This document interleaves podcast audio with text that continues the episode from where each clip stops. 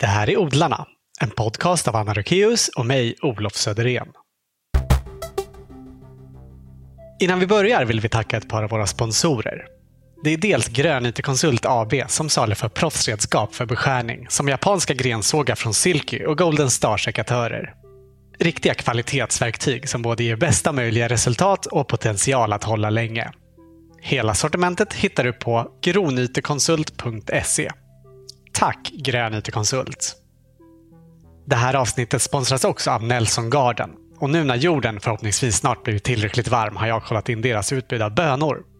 Bland årets nyheter hittar jag bland annat ekologiskt utsäde till en lågväxande vaxböna som heter Dior. Lättkokta vaxbönor med lite olivolja och havssalt på är ju bara så gott. Och för den som vill odla mycket på liten yta kan jag rekommendera störbönor, som till exempel brytbönan Markant. Läs mer om olika bönsorter och alla andra fröer i Nelson Gardens sortiment på nelsongarden.se. Stort tack! Utan sponsorer hade vi inte kunnat göra den här podden. Var medverkande den här gången, Anna Andreasson Sjögren, är trädgårdsarkeolog och skriver på en doktorsavhandling om medeltida trädgårdshistoria i det område som idag är Sverige. Hon är också aktuell med en ny bok som heter Svensk trädgårdshistoria. Och dessutom driver hon den egna firman Arkeogarden där hon ger uppdrag inom trädgårdsarkeologi och grön kulturmiljövård. Ja, som du säkert förstår blir det en hel del prat om trädgårdshistoria, men också om Annas eget odlande och dess relation till historien i den här intervjun som vi spelade in på länk mellan Göteborg och Helsingborg den 12 april. Varsågoda, Anna Andreasson Sjögren.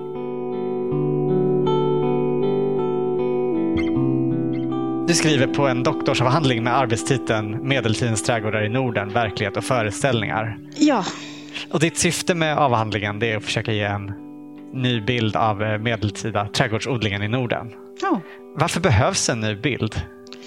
Därför att det största problemet är egentligen att den gamla bilden inte fungerar ihop med alla nya data som har kommit de senaste 15 åren. Och det, fungerar inte som grund längre helt enkelt. Vi har en, nästan som en slags ursprungsmyt om hur trädgårdsodlingen, den avancerade i alla fall, kom med munkarna eh, på 1100-talet. Och, ja, vi har ju sett idag hur det, det, finns trädgård i alla möjliga samhällsgrupper och sånt vid samma tid. Och det, det, det ser inte ut så helt enkelt. Det var inte munkarna som introducerade trädgårdsodlingen? Det var inte så. Du har ju också varit med och skrivit en eh, ny bok om svensk trädgårdshistoria eh, som vi ska återkomma till. Men i den så berättar du också om en person som det ofta har talats om som Sveriges första trädgårdsmästare men som ja. det har visat sig att hon inte ens existerat. Det är ett sånt bra exempel, Botilda. Botilda som alla faktiskt till för inte alls länge sedan trodde var en riktig person.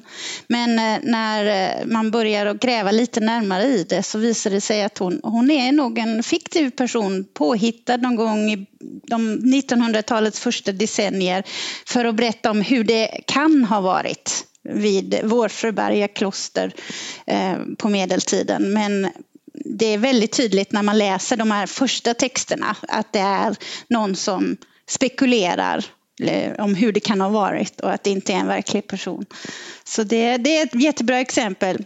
Eh, Kjell Lundqvist, en trädgårdshistoriker och eh, landskapsarkitekt, han, han sa alltid att det, det, var en kompendietradition som styrde mycket i den gamla trädgårdshistorien. Man la ihop och man citerade de som var innan och, och visste inte riktigt hur det hängde ihop bakåt. Utan det blev liksom bara ett enda stort kompendium alltihop. Ja.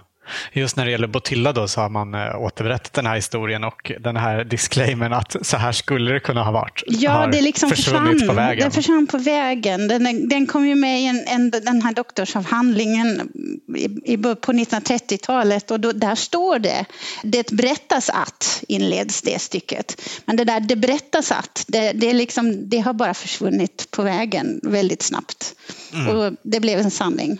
Mm. Och det var först när Inge Larsson, eh, språkvetare och trädgårdshistoriker, började att verkligen titta på källorna, gå tillbaka till källorna och titta, som hon insåg att det här, det finns faktiskt inte, den här personen finns inte. Mm, men just det är ju då att man har tittat tillbaka till grundkällan. Men är, finns det liksom nya saker som har tillkommit nu som gör att man kan revidera bilden av trädgårdshistorien? Mm, det är alla de arkeologiska källorna.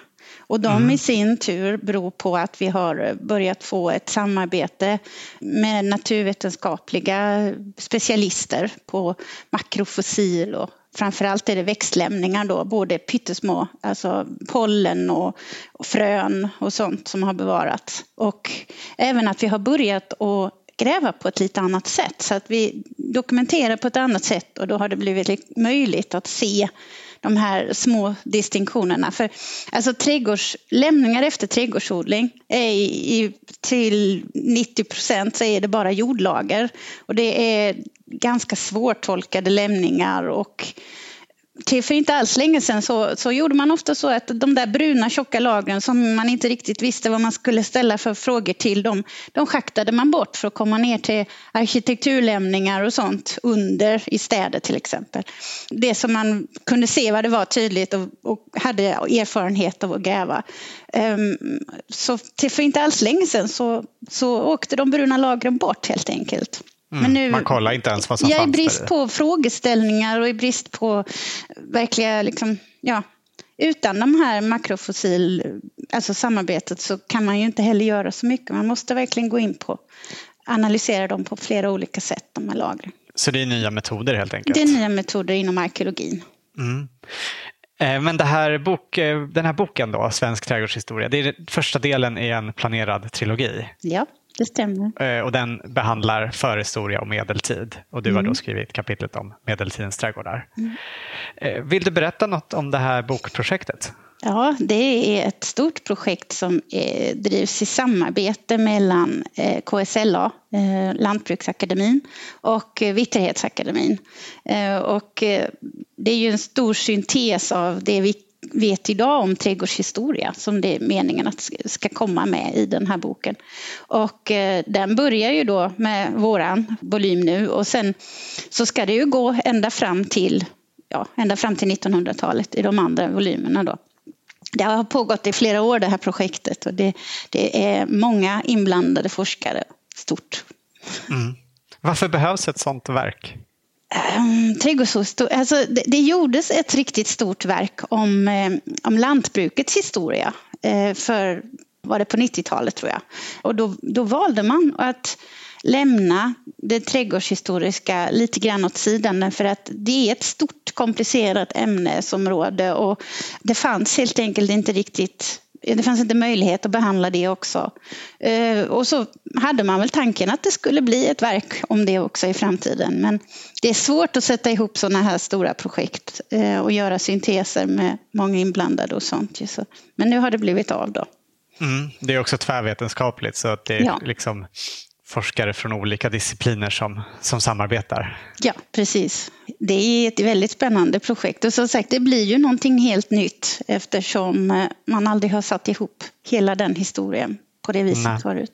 Väldigt spännande att läsa. Eh, det, det, finns ju bara en handfull trädgårdsarkeologer i Sverige och du är en av dem. Ja. Hur kom det sig att du blev arkeolog med inriktning på, på trädgård? Eh, jag har alltid tyckt det var roligt med trädgård. Um, och odlat med min pappa när jag var liten och sådär. Um, men, uh, var, var var det någonstans? Uh, jag är uppvuxen uh, strax norr om Göteborg, i Kungälv heter det. Mm. men, men så har vi en sommarstuga som ligger ja, en bit utanför Varberg och som är där vi alltid har haft odlingar med köksväxter och sånt. Där jag har Aha. kunnat samla, jag det här intresset för gamla växter har ju också lett till att jag har velat odla och prova många olika både, alltså både perenner och, och sånt och, och köksväxter och det har jag kunnat göra där då bland annat. Du samlar på gamla mm. sorter? Ja, det, det, är ett intresse från för länge sedan. Va? Men eh, sen blev jag ju arkeolog och jobbade som fältarkeolog i, i tio år nere på 12 år blev det kanske. Ja. Eh, länge eh, med eh, vanlig fältarkeologi ute, framförallt järnålder blev det då. Men, men sen, sen är det ju så med arkeologin att det går upp och ner och det är väldigt konjunktursvängningar. Och det var mm. en period 2008 när Öresundsförbindelsen var klar och Citytunneln ner i Malmö och sånt. Och, och det var en tid med ganska lite jobb inom arkeologisektorn och då så ja, så råkade jag hamna i, på SLU istället och mm. på programmet för odlad mångfald. där jag hjälpte till bland annat. Jag fick, började med att skriva en historiebok som var riktad till inventerarna inom POM. Eh, som skulle berätta de sista 150 årens trädgårdshistoria. Därför att mm. det, är, det är liksom de 150 åren som är de som märks tydligast om man går ut och tittar omkring sig på trädgårdar eh, och vill liksom, ja, titta på en gammal trädgård och se vad den kan ha för spår. Mm. Så det blev egentligen väldigt modern. Alltså jag hoppade ju från järnåldern fram till modern tid kan man säga. Men sen när jag började doktorera så blev det tillbaka till ja, halvvägs tillbaka, eller till medeltiden då, som blev ämnet. Och POM, programmet för odlad mångfald, eh, vill du bara säga något jättekort om vad det är, ifall det är lyssnare som inte känner till det? Ja, eh, Programmet för odlad mångfald var ett stort projekt, eh, ja det pågår fortfarande, eh, för att sätta ihop en genbank, en levande genbank för köksväxter och trädgårdsväxter av frukt av alla olika slag. Och det inleddes med tio års inventering. Eh, så där man reste runt i landet och verkligen letade genom upprop efter gamla växter som stod kvar i folks trädgårdar och som hade en ålder då som många, för det mesta så var det före andra världskriget. Om de hade en historia för, så att man visste att de hade odlats innan dess så var de intressanta. Och det var, det var ju ett jättestort projekt med många frivilliga inventerare inom många olika växtgrupper. Rosorna hade ett eget upprop och perennerna ett och köksväxterna ett och så vidare. Så det var där jag blev inblandad om att först skriva trädgårdshistoria och sen har jag hjälpt till inom framförallt träd och buskuppropet. Alltså det, det uppropet som arbetar med prydnadsträd och prydnadsbuskar i första mm. hand. Och de här uppropen de gick ut på att eh, rädda alltså växter som fanns i vanliga eh, trädgårdsägares trädgårdar. Det, framförallt var det vanliga trädgårdar. Alltså, eh, en stor del av det handlar ju om det. Men sen just när det gäller träd och buskar så, så kommer det ju också in en hel del parker och stadsparker. Alltså, man har fått eh, anpassa lite grann sökandet efter mm. olika, beroende på växtslag och så.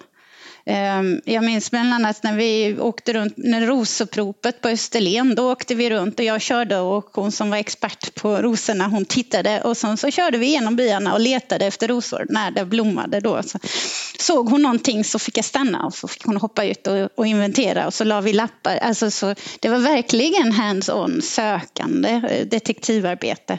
Det var roligt kvar, det låter. Ja, det var jätteroligt. Efter kvarstående växter.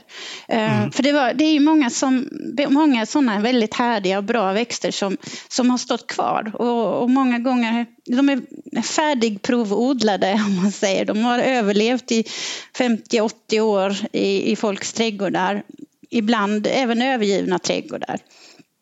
Så det, det är ju bra välanpassade växter som man ville rädda tillbaka mm. liksom, till odling mm. igen och så en genetisk bredd som vi behöver många gånger, även för att ta fram nya växter. Man behöver ju växter att korsa med och sånt. Så den här bredden som fanns var det man försökte rädda.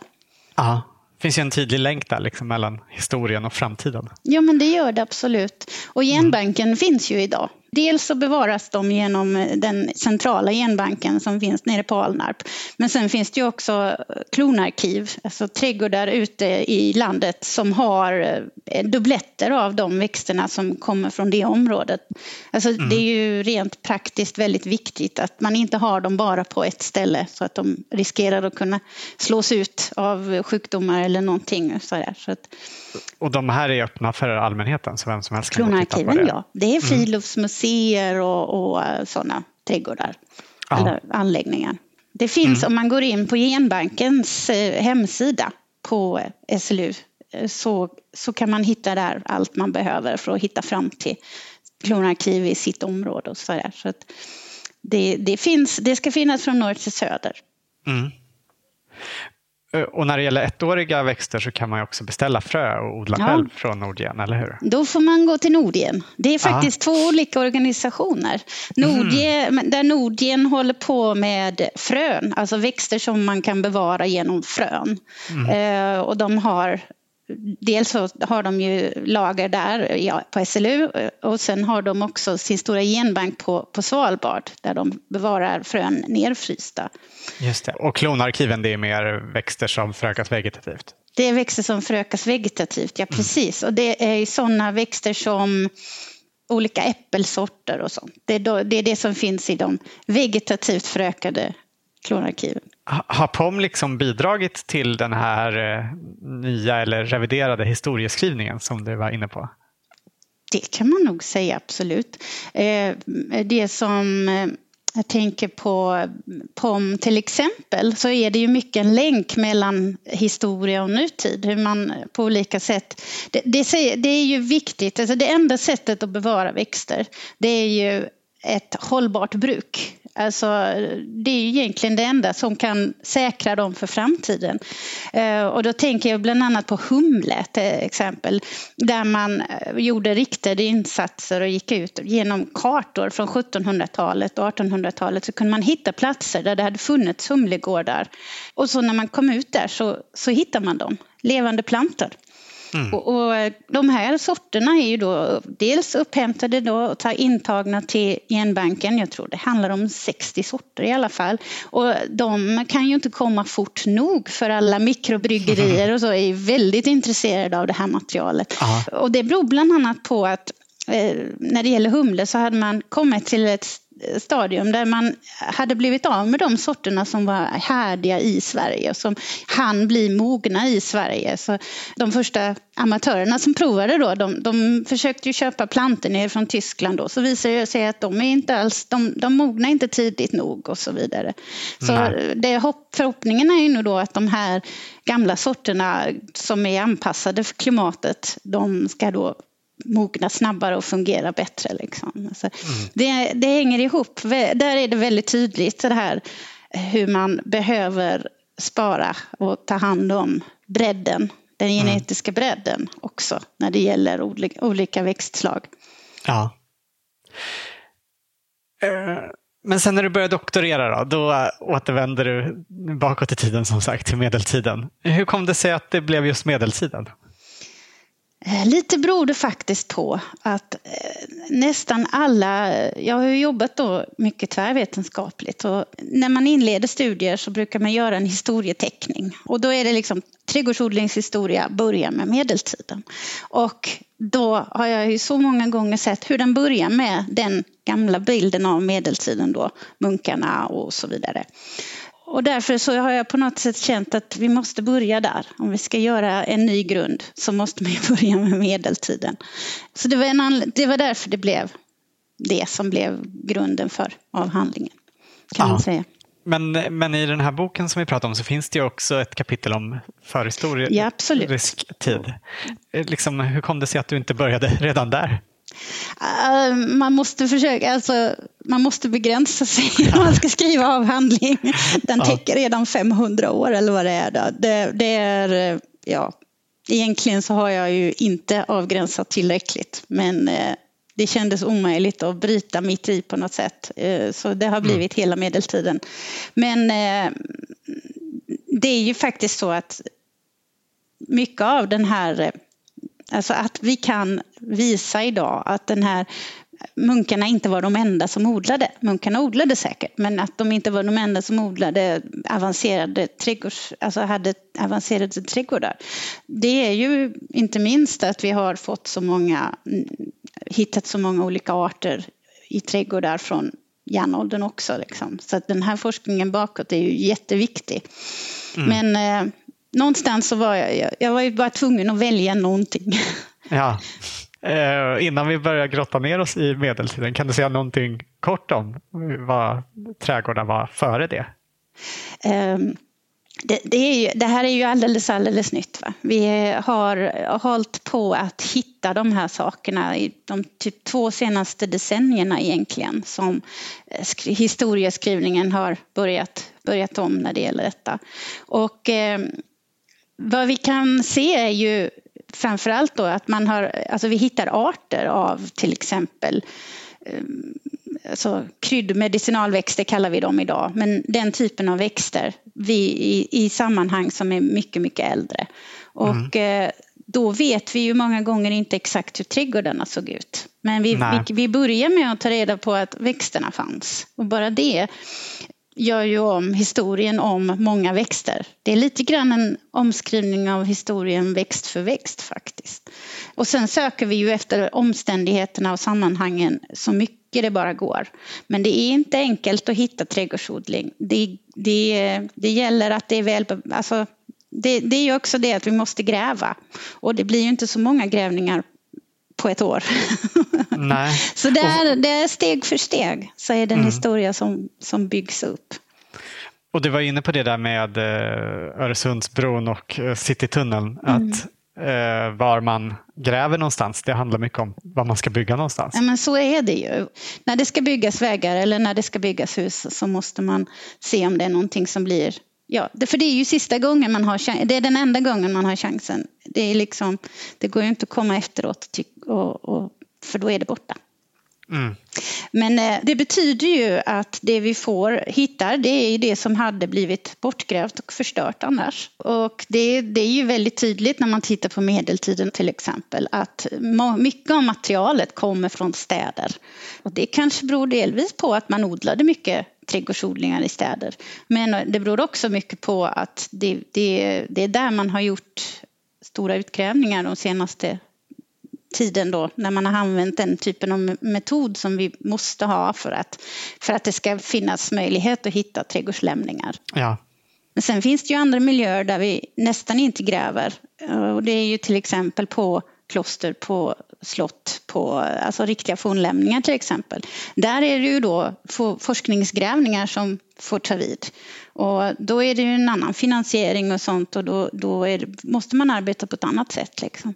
Mm. Men eh, då måste vi också veta vad vi letar efter. Och det är egentligen bara nu, precis som vi hör, vi, vi måste börja med att ta reda på vad vi ska leta inom en slottsruin till exempel. Vad hade de trädgårdar någonstans? Och vi måste ju inse att de faktiskt hade trädgårdar och så vidare. Så det är lite grann det som den här nya grunden och vi hoppas att det ska leda till eh, ett större intresse och fler miljöer undersöks och trädgårdsodling blir någonting som man tittar efter oftare på fler ställen.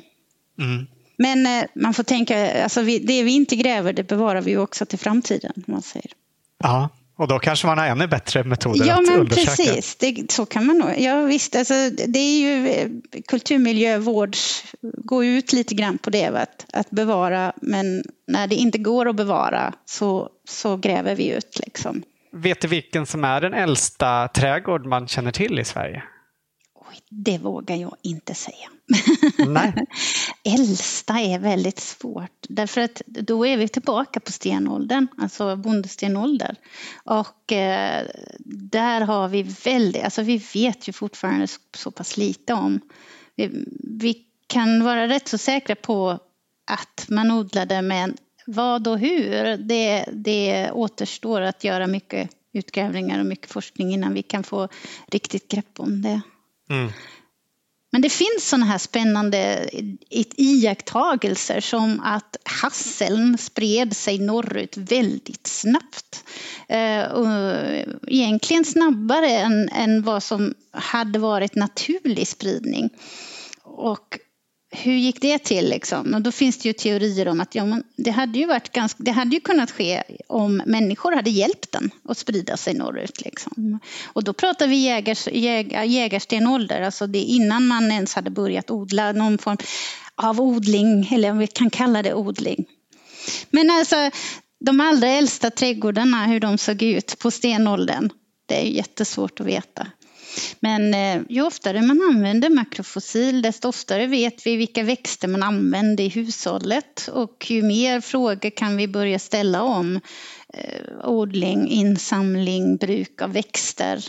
Eh, alla de här delarna liksom, ja. av växtanvändning. Spännande. Mm, ja, det är det verkligen. I Norden så brukar man säga att medeltiden pågick från början av 1000-talet till 1520 ungefär. Mm. Eller stämmer, stämmer det? Något ungefär. Ja. Eh, det är ju en period på 500 år ja. som du sa tidigare. Det är, det är väl liksom inte en särskilt homogen period kan man ju tänka sig. För det har ju gått lika lång tid sedan dess som och det själva medeltiden hänt. pågick. Ja. Eh, men vad var, kan man liksom säga vad var trädgård på medeltiden?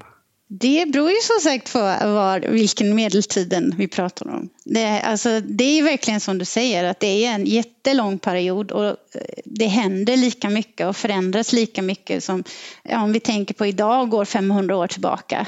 Det är ju en period som var lika dynamisk. Men det som vi tänker på oftast när vi tänker på medeltida trädgårdar så är det ju väldigt sen, alltså det är hög och senmedeltid. Så det är i princip efter, ja, från mitten av 1300-talet och framåt. Det är ju det som vi tänker på oftast. De är mm, fruktträdgårdar med blomsterängar och så vidare.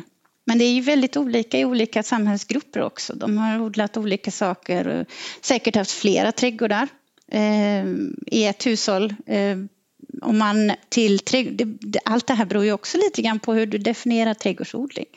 Mm. Eh, för som som jag ser det som forskningsområde så är det väldigt brett. Mm. Är, liksom, eh, är trädgård och jordbruk helt skilda saker? Nej, nej det är de ju inte heller. Va? Det, det är jättesvårt att dra en gräns emellan där. Och många av de som forskar om stenåldern till exempel, de säger ju att det kanske nästan så att vi, om det är specialiserad odling då som vi menar med trädgård så kanske de första odlingarna av sädeslag också på ett sätt var små, nästan trädgårdslika odlingar. Mm. Just det här med människans sam samarbete, eller vad vi ska kalla det för, med olika växter och olika arter och sånt genom historien. Det är ju det är brett och, och inte så lätt att dela in i just trädgårdsodling, åkerodling, insamling så här. Alltså det, det är mycket som flyter in i vartannat och det, det, det är nästan så att man får, beroende på vad man ska forska om så får man definiera sina gränser från gång till gång lite grann. Mm. Det är, det är lite svårt bättre... även idag liksom att säga ibland vad, vad som är trädgård och vad som är jordbruk. Det handlar om växterna, det handlar om metoderna, det liksom beror på det är lite flytande. Ja, det, det, får, och det får vara det. Det får ja. vara flytande för annars så tror jag man tappar saker mellan. Liksom. Man drar sina definitioner för hårt. Ja. Alltså, hur, hur storskaliga jordbruk hade man ens på, på medeltiden? Alltså, framförallt så var det väl självhushåll. Alltså mm. att man odlade framför allt för sitt eget hushåll. Men om du tänker dig en, en gård som odlar för eh, självhushåll så hade de antagligen vissa växter i närmast åkerliknande. Tänk rover och ärtor och bondbönor och sånt man behövde i stora mängder. Man brukar kalla det förrådshushållning, det som vi har här uppe i Norden. Att man, mm. Eh, man odlade ju saker så att man skulle klara sig det halvår som inte odling gick. Liksom. Men sen så i aristokratiska sammanhang och när det gäller de stora landsbygdsklostren så har man ju kanske en annan sätt att se på produktionen och där kan man kanske se det att folk producerar överskott för att det ska till någon, någon annan. Där, kommer, där det blir någonting annat än självhushåll. Mm. Så på det viset så jag kan tänka, alltså de här stora aristokratiska anläggningarna, stora landsbygdsklostren, de var ju, det var ju stora företag liksom. Mm. Men så kan man tänka sig att de flesta hade en egen täppa eller, eller kanske var olika på landet respektive i stan också? Ja, ehm, men det är nog faktiskt så att om man tänker på hur lätt eller svårt det var att få tag i saker och hur man levde i hushåll och så vidare så är det nog väldigt sannolikt att de flesta hushåll hade någon form av odling. Därför att man behövde ha tillgång till vissa saker. Alltså till exempel vissa örter som man behövde för maten och för hälsan. Så då tror jag ju faktiskt, jag tror att väldigt, ja, om man tänker de som levde tillsammans i ett hushåll så hade hushållet oftast någon form av trädgårdsodling. Om vi då menar en odling där man har perenner, eh, olika, alltså sådana här ja, jag vill helst inte använda ordet medicinalväxt eller kryddväxter för att jag tror inte man såg på dem på det viset. Men för oss idag så är den medicinal kryddväxter, oregano, hjärtstilla, eh, bolmört, vissa av de här växterna som vi hittar igen och igen och igen i det arkeologiska materialet eh, som verkar vara värt något som man verkligen använder mycket av eh, och behövde de ja. tror ju att de flesta kunde ha en egen odling. Men det är lite grann, det är samma sak vi brukar, när vi pratar om aristokratiska anläggningar. Alltså, många gånger när man tänker på aristokrasins trädgårdar så tänker man i första hand på de, eh, alltså olika former av lustgårdar. Men man får ju inte glömma eh, de nyttoinriktade odlingarna som säkert var jätteviktiga. Både då för att man skulle producera sånt som man behövde äta och eh, även en del av det som brukar kallas för iögonfallande konsumtion eller conspicuous consumption. När man, man ska bjuda flott och äta rätt för att höra till sin samhällsgrupp. Då eh, har det ju varit så ända till 1800-talet och framåt. Alltså att, att vill du kunna bjuda flott på exotiska fruktslag och saker som smakar spännande så måste du antingen ha råd att köpa in det importerat, du måste få in det som skatt på ett eller annat sätt eh, eller så måste man odla själv. Så en riktigt bra trädgårdsmästare som kunde få fram frukter vid konstiga tidpunkter och som kunde odla sånt som folk aldrig hade smakat och sånt. Det, det, är, liksom, det är inte bara medeltid utan så var det ända långt fram i tiden ju. Därför att du kunde inte köpa vissa saker utan du var tvungen att producera själv. En bra kock och en bra trädgårdsmästare, då kunde du imponera på vem som helst. Liksom. Mm. Men man behövde de där sakerna faktiskt. Det, var inte bara, det är inte bara lyx utan det, det handlar om identitet och eh, politik nästan. Ja. Men så de flesta hade någon typ av självhushåll? Ja, det kan man nog, i, i grunden kan man nog tänka så. Eh, sen, sen är det ju det här att ett hushåll eh, människor som lever ihop och delar mathållning och så vidare. Det kan ju se ut på väldigt många sätt. Det är ju då viktigt kanske att vi inte tänker oss en kärnfamilj med mamma, pappa, barn och kanske en mormor utan att det kan ju vara enka, en änka, det kan ha varit, det finns andra, grupp, andra sätt att leva i, inom klosterstiftelser, i konvent det finns olika typer av eh, garnisoner och sånt. Så att man får tänka lite bredare när man ser det så. Men, men att i grunden var ett slags självhushållning eh, för de flesta vanliga bönder till exempel eller de flesta vanliga stadsbor. Det tror jag man kan räkna med. Ja, även i städerna alltså? Ja, stadsodlingen var nog väldigt mycket viktigare än man trodde förr i alla fall.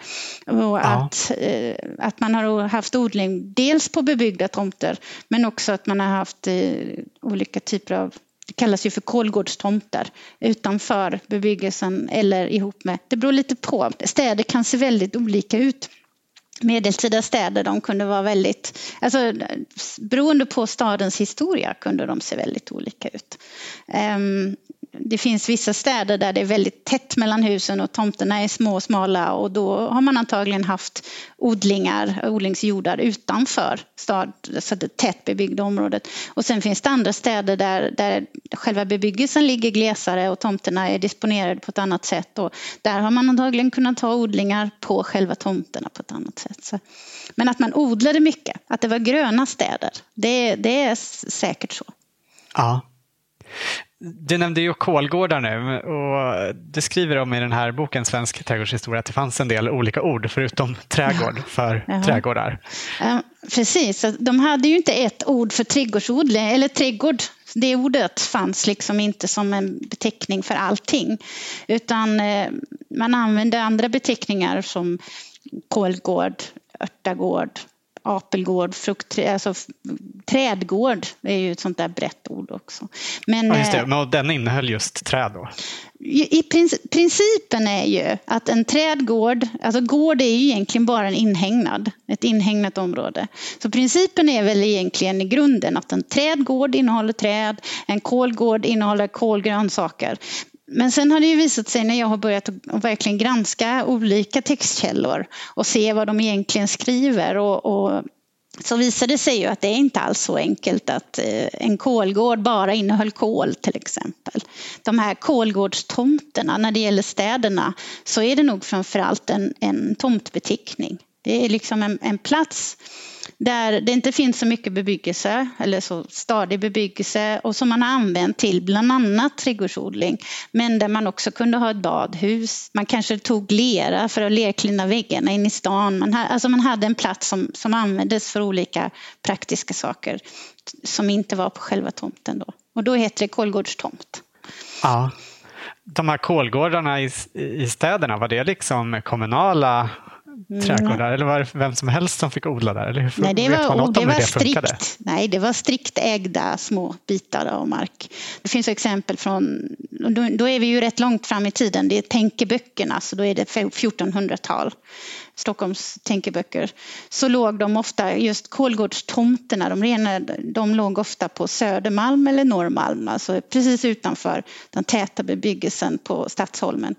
Eh, och de kunde vara på 250 kvadrat kanske och ända upp till flera tusen kvadrat beroende på då. Och de köptes och såldes och mättes väldigt noggrant så det var absolut privat egendom. ja. alltså, det var så att Magnus Erikssons landslag som kom vid mitten av 1300-talet den eh, talar om väldigt tydligt vad som ska stå i brev som handlar om transaktioner, alltså jordtransaktioner och andra typer av fast egendom. Och där står också vad som ska finnas med i dokumentet och då är ju bland annat måttangivelser en av de delarna som ska vara med. Så efter ja. det, så fort den börjar verkligen gälla i hela landet så, så blir det väldigt många fler dokument som handlar om det här. Uh, när det gäller städerna skulle det antecknas i stadsböcker och när det gäller landsbygden så skulle det skrivas diplom, alltså dokument som skulle un undertecknas med ett sigill och så vidare. Så det, det blev väldigt uh, reglerat från och med mitten av 1300-talet ungefär och framåt. Det finns en del citat i din bok eh, från till exempel gamla lagtexter mm. som ju inte är jättelätta att läsa. Eh, Nej, alltså detta man slås av liksom hur olika man pratade eller, eller åtminstone skrev på den tiden jämfört med idag. Fornsvenska är, fornsvenska är intressant. Ja, kan det det? Eh, jag har haft hjälp av jätteduktiga människor som har lärt mig lite grann och jag kan läsa det hjälpligt. Men eh, jag skulle, jag skulle aldrig göra en översättning och publicera till exempel utan då skulle jag...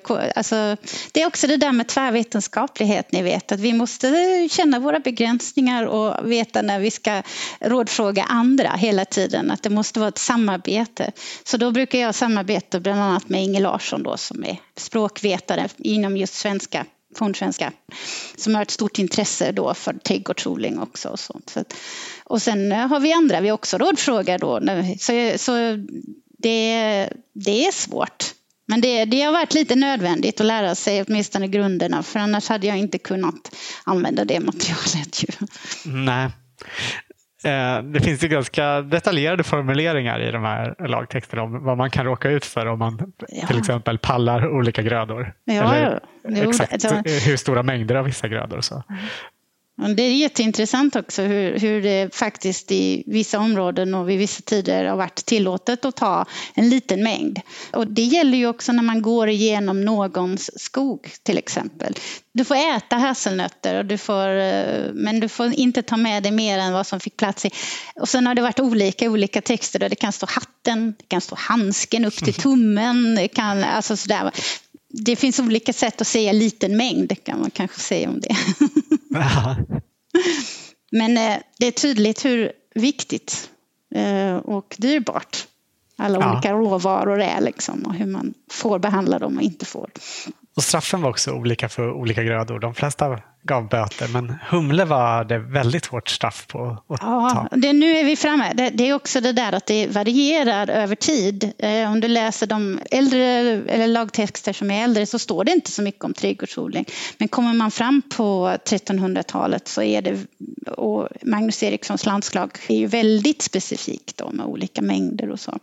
Mm. Och det, ja, humle var ju en väldigt speciell växt. Det stipuleras ju att man ska odla humle. Det kom ju påbud om att bönderna skulle odla humle så att de inte skulle importera så mycket. Och sånt. Det, det kom ju alltså på 1300 och 1400-talet också. Mm. Och eh, ja, det är grov stöld att ta någons humle, var den än växer. Mm. Hur kommer det sig förresten att du har tittat så mycket på just lagtexter? För det, det är ganska... kanske är lite otippat att de skulle vara intressanta för forskning om trädgårdshistoria. Jag förstår. Nej, det, det, är ganska traditionellt faktiskt. Det gjorde till och med alltså de här som började skriva om trädgårdshistoria på ett mer vetenskapligt sätt, alltså i början av 1900-talet. De, det var ju några av de källor som, som de hade tillgång till som faktiskt nämner trädgårdsodling. Så det är en källa som har följt med länge inom inom vetenskaplig trädgårdshistoria. Aha. Men eh, sen det som har tillkommit, det är ju de arkeologiska källorna och möjligheten att sammanväga det som vi får veta från lagtexter till exempel med fysiska lämningar. Och när man gör på det viset så, så hittar man ju saker mellan som man aldrig hade kunnat få fram med bara en typ av källmaterial. Så ah, ja. Vi tar ju de gamla källmaterialen och så, och så vevar vi om dem på nya sätt liksom, och hittar nya saker i dem. Ja. Det låter ändå eh, det låter svårt att komma fram till hur det faktiskt var. Alltså hur svårt det, eller lätt är det att forska om medeltida trädgårdshistoria? Ja, det, det, med hjälp av alla olika eh, material så kan man komma en bra bit på väg. Men, eh, men man kan, alltså en anledning till att det inte gick så bra, att, eller alltså det tar tid innan det har kommit igång, det, det är just att de, de skriftliga källorna räcker faktiskt inte. De, de, visar olika saker. Ibland är det svårt att få ihop de olika källorna faktiskt. Man måste liksom hoppa mellan eh, lantbruksnyttoodlingar eh, till slottsträdgårdar och ja, det är väldigt mycket små fragment som man ska försöka pussla ihop. Um, det är ju faktiskt så att det finns inte en enda avbildning och inte en enda beskrivning av en riktig trädgård. Det närmaste vi kommer det är faktiskt den här beskrivningen som den heliga Birgitta gör av palatsträdgården vid Vadstena. När hon Aha. skriver ett par rader om hur hon ser att palatset ska göras om till kloster. Och där nämner hon bland annat om hur hon ser en mur som ska gå ut runt och runda palatsträdgården och de gamla träden och det ska bli nunnornas då liksom. Alltså, den ska inlämnas i klosterområdet, den där trädgården. Eh, och det är väl egentligen den första gången, tror jag man kan säga, att en trädgård dyker upp i ett dokument eh, från det medeltida Sverige. Det är en helt annan sak att forska om medeltida trädgårdsodling i Sverige eh, om man jämför med England och andra länder där man har bevarat räkenskaper och sånt. Och där det står liksom vad de köper och hur de köper in ehm, grästorvor när de ska göra om en trädgårdsanläggning och hur de... Ja, det finns massor av detaljerade uppgifter i skriftlig form. Och det har vi inte bevarat och antagligen har det funnits i mycket mer utsträckning än vi kanske tror. Men vi har haft alldeles för många bränder och biblioteksbränder och slottsbränder och annat som har gjort att det, det är otroligt lite som är bevarat utav det. Mm det här detaljerade materialet som behövs om, om du vill hitta uppgifter om när man bygger om i en trädgårdsanläggning.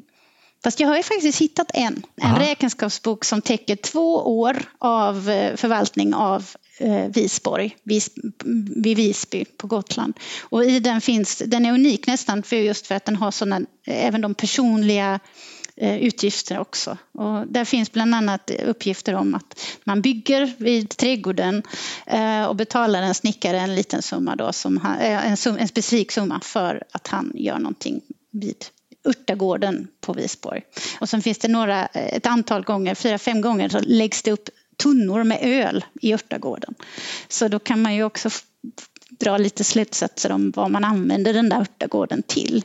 Det är inte en medicinalväxtodling i första hand kanske utan snarare ett utomhus vardagsrum. Men nu är vi långt fram, det är 1480-tal detta. Ja. Den typen av källor har de massor av och det har vi nästan inte alls tyvärr. Nej, och det finns liksom inga teckningar eller målningar eller ritningar eller så kvar heller? Ingenting sånt.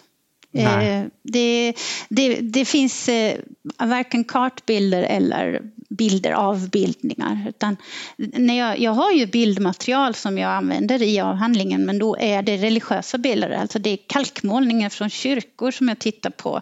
Hur man framställer trädgårdar där och hur man kan koppla det till texter som finns vid samma tidpunkter och försöka hitta lite grann om hur man såg på trädgårdar genom det.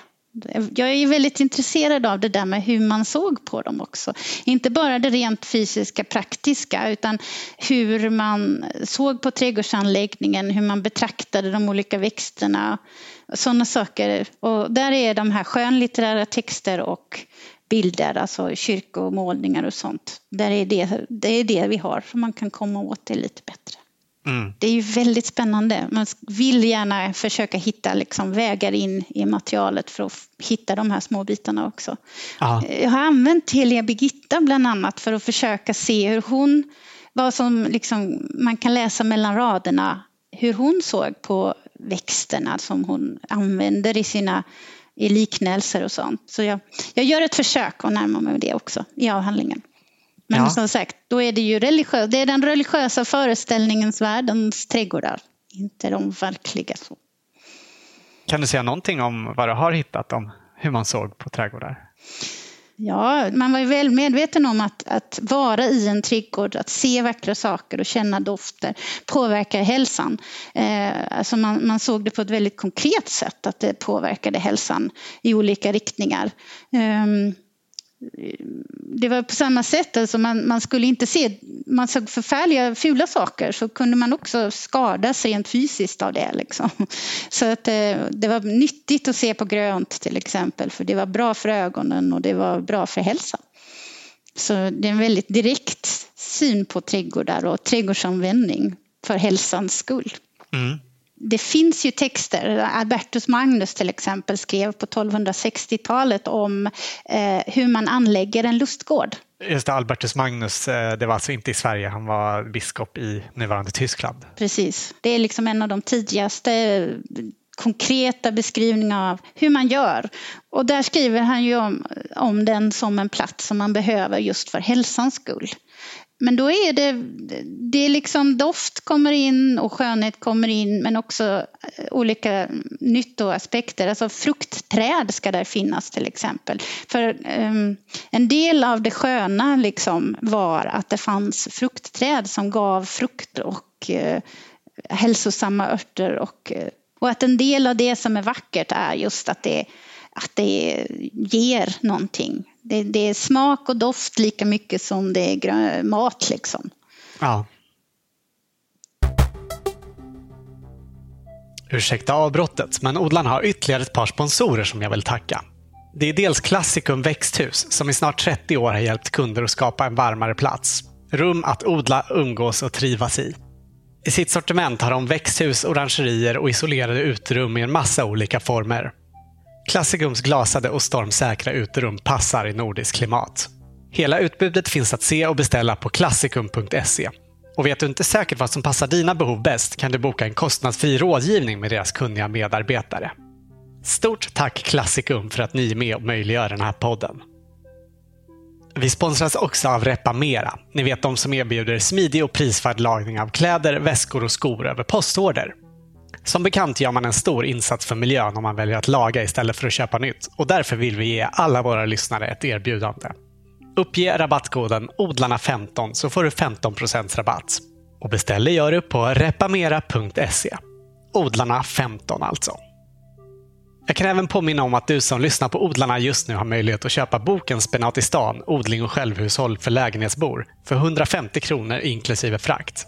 Det är alltså den bok som jag har skrivit tillsammans med odlarnas producent Anna och som handlar om vad vi tycker är viktigt om man vill odla hållbart för självhushåll. Egentligen oavsett om man bor i stan eller på landet.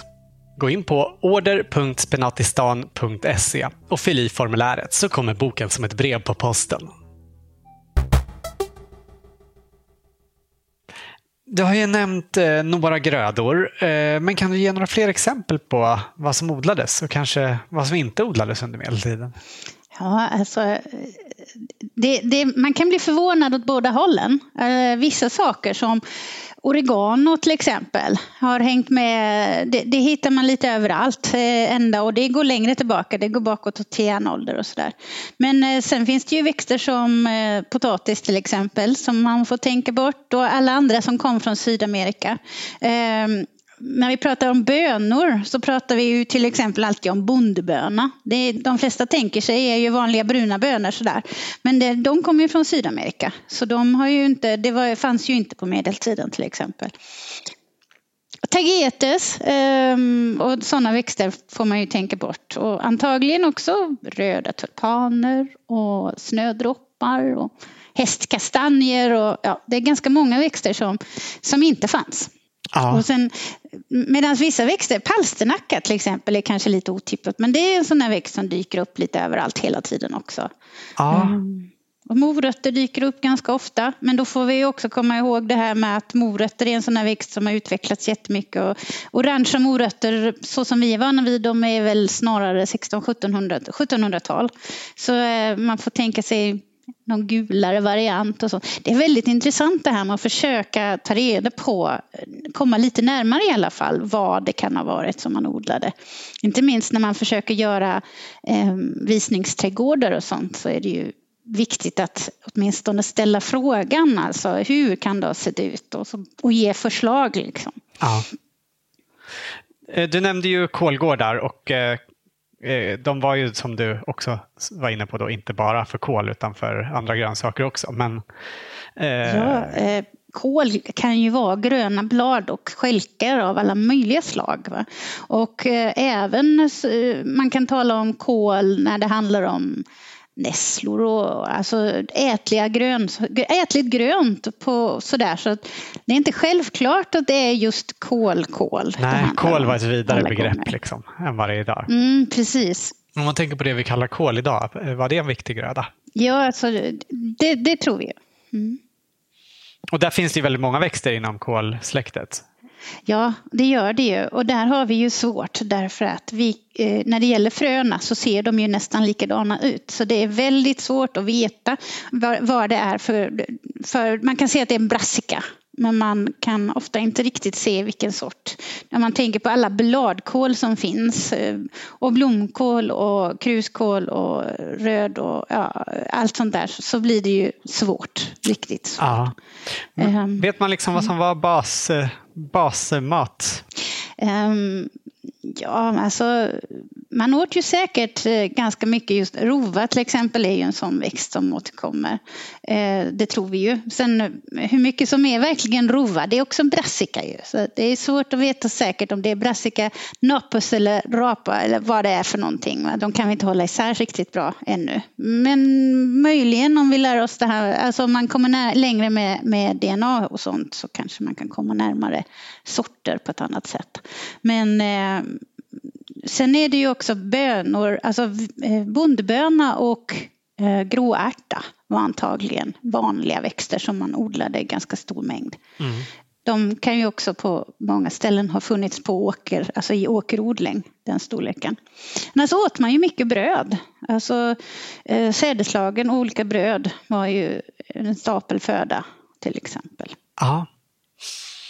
En, en gröda som jag fick höra har funnits här i, i Norden väldigt långt tillbaka som jag blev lite förvånad över, det, det är koriander. För den förknippar jag mycket med uh-huh. liksom, asiatisk mat och också mm. mat från Latinamerika och så. Men den fanns här. Och... Ja, det stämmer. Det är en av de här som har funnits riktigt länge faktiskt. Men den måste ju nästan det... ha försvunnit härifrån under en period senare. Ja, alltså grejen är väl den att växter vi talar ju ofta om att en växt introduceras och sen räknar vi liksom bara med att den finns. Men, men riktigt så enkelt är det ju inte. Va? Det här med introduktion det är ju någonting som händer många gånger. Olika sorter och saker försvinner och kommer tillbaka och eh, mat matkultur förändras och, och så här. Så att man får nog tänka sig att det där är saker som har ja, gått i vågor och förändrats hela mm. tiden. Och så kommer en ny sort och så har alla i en viss stad den medan den kanske inte alls odlas tvärs över eh, landet på andra sidan och sådana saker. Där regionalitet finns i det och så mm. vidare. Så att det, det, där med eh, samma sak med vitlök och sånt. Eh, det är ju också växter som vi inte riktigt ja, som man diskuterar hit och dit, hur, hur vilka som har odlat så när och så här. Men sen det man blandade i maten, det var antagligen inte bara för smakens skull utan det handlade ju också om hälsa. Alltså att blanda in i en viss växt eller en viss krydda i en mat kan ju också bero på man tänker sig att den ska göra maten bättre rent hälsosamt på olika sätt. Så allt det där hänger ihop. Mm. Tror du det finns saker som man odlade på medeltiden som, som liksom har försvunnit, som vi inte ser som mat idag eller som vi skulle kunna återupptäcka? Det tror jag säkert, fast eh, jag kan inte komma på något exempel just nu. Vad hade man eh, när det kommer till frukt och bär? Ja, att, att de hade äpplen, det, det, det ser vi ju så självklart. Men sen när vi börjar prata sorter så blir det ju genast svårare. Päron är ju en växt som man diskuterar hit och dit. Liksom. Det, vi vet inte när det introducerades men att man hade päron åtminstone på 1400-talet det, det verkar vara klart. Och svarta vinbär är en växt som dyker upp i Skänninge till exempel, eh, också tidigt, eh, runt 1300 sådär, 1200-talets andra hälft. Eh, som man verkar ha odlat både i klostermiljö och i, i stadsmiljön till exempel. Eh, Skänninge det, det är en sån plats där man har gjort mycket arkeologiska undersökningar. Där har man gjort mycket undersökningar. Det är en av de städer som, är, som man har, har, har forskat mycket på trädgård. Så det är ett väldigt vanligt exempel som dyker upp liksom, när man ja. pratar. Vilka mer platser finns det som har varit viktiga som arkeologiska fyndplatser? Det har grävts, ja Lund är också en sån stad där man har gjort en hel del eh, undersökningar och där eh, samarbetet mellan arkeologer och eh, arkeobotaniker går långt tillbaka. Men det gäller faktiskt också Uppsala till exempel. Så eh, det har varierat ganska mycket men det är några exempel på städer där man har undersökt trädgårdslämningar mm. funderat över trädgårdsodling och, och, tolkat lagar som trädgårdsodlingsjord och så här mm. länge. Sen åtminstone när det gäller Uppsala 80-90-tal och till och med ännu lite längre när det gäller Lund. Mm. Du var inne på att det kan vara svårt att se skillnad på vissa sorts fröer. Eh, och det känns som också, det, det är väldigt små saker fröer liksom. Och du skriver om exempel som att man har hittat två äppelkärnor eller frö från ett nypon och så. Ja. Alltså, ja. Hur, dels hur hittar man det i de här jordmassorna? Och alltså, hur säker kan man vara ja. när det är så lite och mer än 500 år gammalt? Alltså jag måste säga för det första, jag är inte arkebotaniker så jag gör inte de där analyserna. Utan, däremot har jag varit med om att samla in prover och då är, då, alltså det handlar om prover på jord. Alltså man tar eh, jordprover som, som flotteras och eh, behandlas så att man får ut, sam, kan samla in fröna och det andra organiska materialet som finns i. Och sen eh, så tittar man med mikroskop för att hitta dem. Och sen identifieras de utifrån ja, frön som är kända. Alltså man, man måste kunna, de, de, är väldigt skickliga de här som, för de jämför med frön från moderna växter och, och äldre samlingar och så identifierar mm. de frö för frö faktiskt. Så det är väldigt ja. Petigt jobb.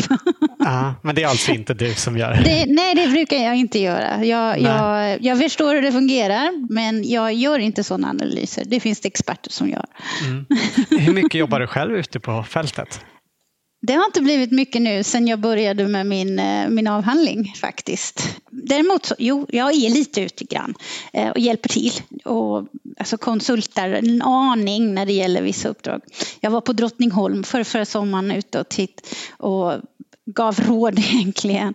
Ehm, så jag har svårt att släppa fält. Jag vill gärna jobba i fält. Mm.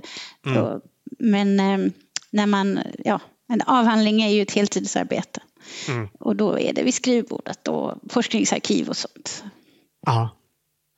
Är det liksom bara genom att titta på de här fröerna som man bestämmer vad det är? Eller gör man DNA-prover och sånt på dem också? I första hand så är det genom att titta på dem. Eh, men sen det här med DNA och ADNA, det kommer ju mer och mer. Men det är ju någonting som har kommit de senaste åren, att man har kunnat analysera eh, sån nedbrutna organiska lämningar som det ju handlar om ehm, på ett annat sätt. Så det är något som kommer, men det är svårt. Det det handlar om är ju att det gäller att det finns kvar DNA i de här lämningarna som man har. Och det är inte alltid bevaringsförhållandena är sådana att det finns kvar. Och vi Nej. jobbar till exempel mycket med förkolnade lämningar och då är det ju formen som är kvar men själva innehållet om man säger har ju förvandlats till kol. Så då, där finns det ju inget DNA längre och sånt. Det finns forskning som görs om det här med hur, hur förkolnat någonting kan vara och ändå innehålla DNA och sånt. Alltså, det kommer säkert att hända mycket inom det de närmaste åren. Men eh, det är det som behövs om vi ska kunna urskilja kolsorter till exempel och sånt. Mm. Men om man då hittar en eh, liten kärna eller ett frö eh, i jorden, hur vet man liksom att, den, att det har odlats just där? Att det inte bara är någon som har slängt ett äppelskrutt eller en fågel som har tappat en kärna eller någonting? Det är ju sammanhanget och då är det ju kontexten och det är där det här med den här utgrävningsmetodiken kommer in. För kontext, sammanhang, det kan man ju då bara få genom den arkeologiska metoden, hur, hur det är utgrävt och dokumenterat. Och det är hela problematiken med datering och sånt inom arkeologi eh, som kommer in där. Ja, hur, hur dateras det? Alltså, hur, ja. alltså, många ställen har ju brukats under väldigt lång tid. Liksom. Ja. Hur kan man veta vilken kärna som kommer från just en viss tid? Det, det beror på eh, lagret som den är hittad i. Det är, så vi, det är alltid det vi utgår ifrån. Vi gräver lagren i en brunn till exempel och det finns ju principer för hur hur det formas helt enkelt. Vi plockar isär allting bit för bit för att se hur det har sammansatts en gång. Liksom. Och på det viset eh, så eh, vi kan ju veta att ett lager som har bildats tidigare, eh, senare, eh, om vi har ett kol-14-prov som vi har datering från det lagret så vet vi att det som har bildats tidigare i den anläggningen måste vara äldre än den. Och så, alltså det, det, det, där är, det där är det arkeologiska hantverket. Liksom. Är det genom kol 14 som man liksom bestämmer hur gammalt just ett visst jordlager är? Och sen vad det finns mer i. Man, eh, man går efter alla typer av fyndmaterial eh, som eh, keramik och sånt som vi redan sedan tidigare har kronologier på. Liksom. Kol 14-dateringar är ganska dyra så det får man oftast inte med en, en ganska liten mängd på en utgrävning. Man har inte budget för det. Utan då kanske man tar några strategiska prover som man, som man kan, kan få många eh, sammanhang genom. Och sen är det mycket ja, keramik bland annat och andra föremål som vi har, som vi vet hur gamla de är från andra sammanhang och så. Mm. När man gör fynd av fröer och, och annat, sparas allting eller dokumenteras det bara? Det ska sparas. Det har väl varit lite diskussion om vad, vad de här proverna är. Om de är fynd, för fynd samlas ju. Och, eller om de är, ja, vad de är för någonting egentligen. Så det där görs ju avvägningar i, i varje tillfälle vad man sparar och inte sparar. Men, men eh, om man vill kunna gå tillbaka till ett fyndmaterial så behöver man ju spara proverna naturligtvis. Alltså de måste ju vara bevarade i en samling någonstans om man ska kunna gå tillbaka och titta på saker när man har lärt sig nya grejer om, om hur saker ser ut och göra ombestämningar. Och om man någonsin vill kunna ställa frågan om det verkligen var rätt mm. så måste ju proverna finnas. Men det där hoppas jag ska bli mer vanligt, att man verkligen sparar dem på ett eh, organiserat sätt, de här växtfynden. Liksom. Mm. Hur pass säkra är liksom de här metoderna för att eh, bestämma vad det är för växter man hittar och, vad det, och hur gamla de är? Hur gamla de är, det, det beror ju på som sagt eh, hur väl man har kunnat datera fyndlagren där man hittar dem. Eh, och när det gäller säkerhet så handlar det om arkeobotanikens skicklighet helt enkelt och erfarenhet. Men de flesta som, som vi anlitar är ju jätteskickliga. De har hållit på med det här länge. Men det hänger liksom på e-, enskilda forskare och deras eh, kunskap helt enkelt? Det gör det. Mm. Eh, vet du om man har hittat några medeltida fröer som skulle kunna vara i odlingsbart skick? Alltså ibland blir man otroligt förvånad över vad de lyckas få liv i. Men det mesta som vi hittar är ju dött. Även om de är bevarade och konserverade så är de inte levande längre. Ehm, men i vissa torra sammanhang, vissa frusna sammanhang så finns det frön som man har kunnat få liv i igen över otroligt långa tider. Och kunnat så, odla på alltså. Men det är verkligen inte vanligt. Det hör inte, och de här proverna som vi hittar i brunnar och sånt i vatten och därför har blivit bevarade, de är inte levande på det sättet. Nej. Eh, går det att säga någonting om eh, liksom, odlingsmetoderna på medeltiden? Det är ju svårt, för då måste man tänka liksom, hur ser man det arkeologiskt? Det är det, det, är det vi kan säga om, om medeltida metoder, det är ju det som vi kan se arkeologiskt. Det som vi då inte har tillgång till några skriftliga källor till exempel. Det, jag menar, vi, är ju, vi är fortfarande på en nivå när det gäller eh, trädgårdsodling. Alltså, om vi nu pratar om köksträdgårdar så hittar vi till exempel mycket spån, träspån och sand inblandat i. Det är inte ovanligt. Och då vet vi ju faktiskt, då är det oftast i jordar som man har grävt om och grävt om så många gånger så att innehållet har blivit alldeles homogent liksom blandat. Det är 30-40 centimeter tjockt och så helt blandat, allt möjligt i en enda röra liksom.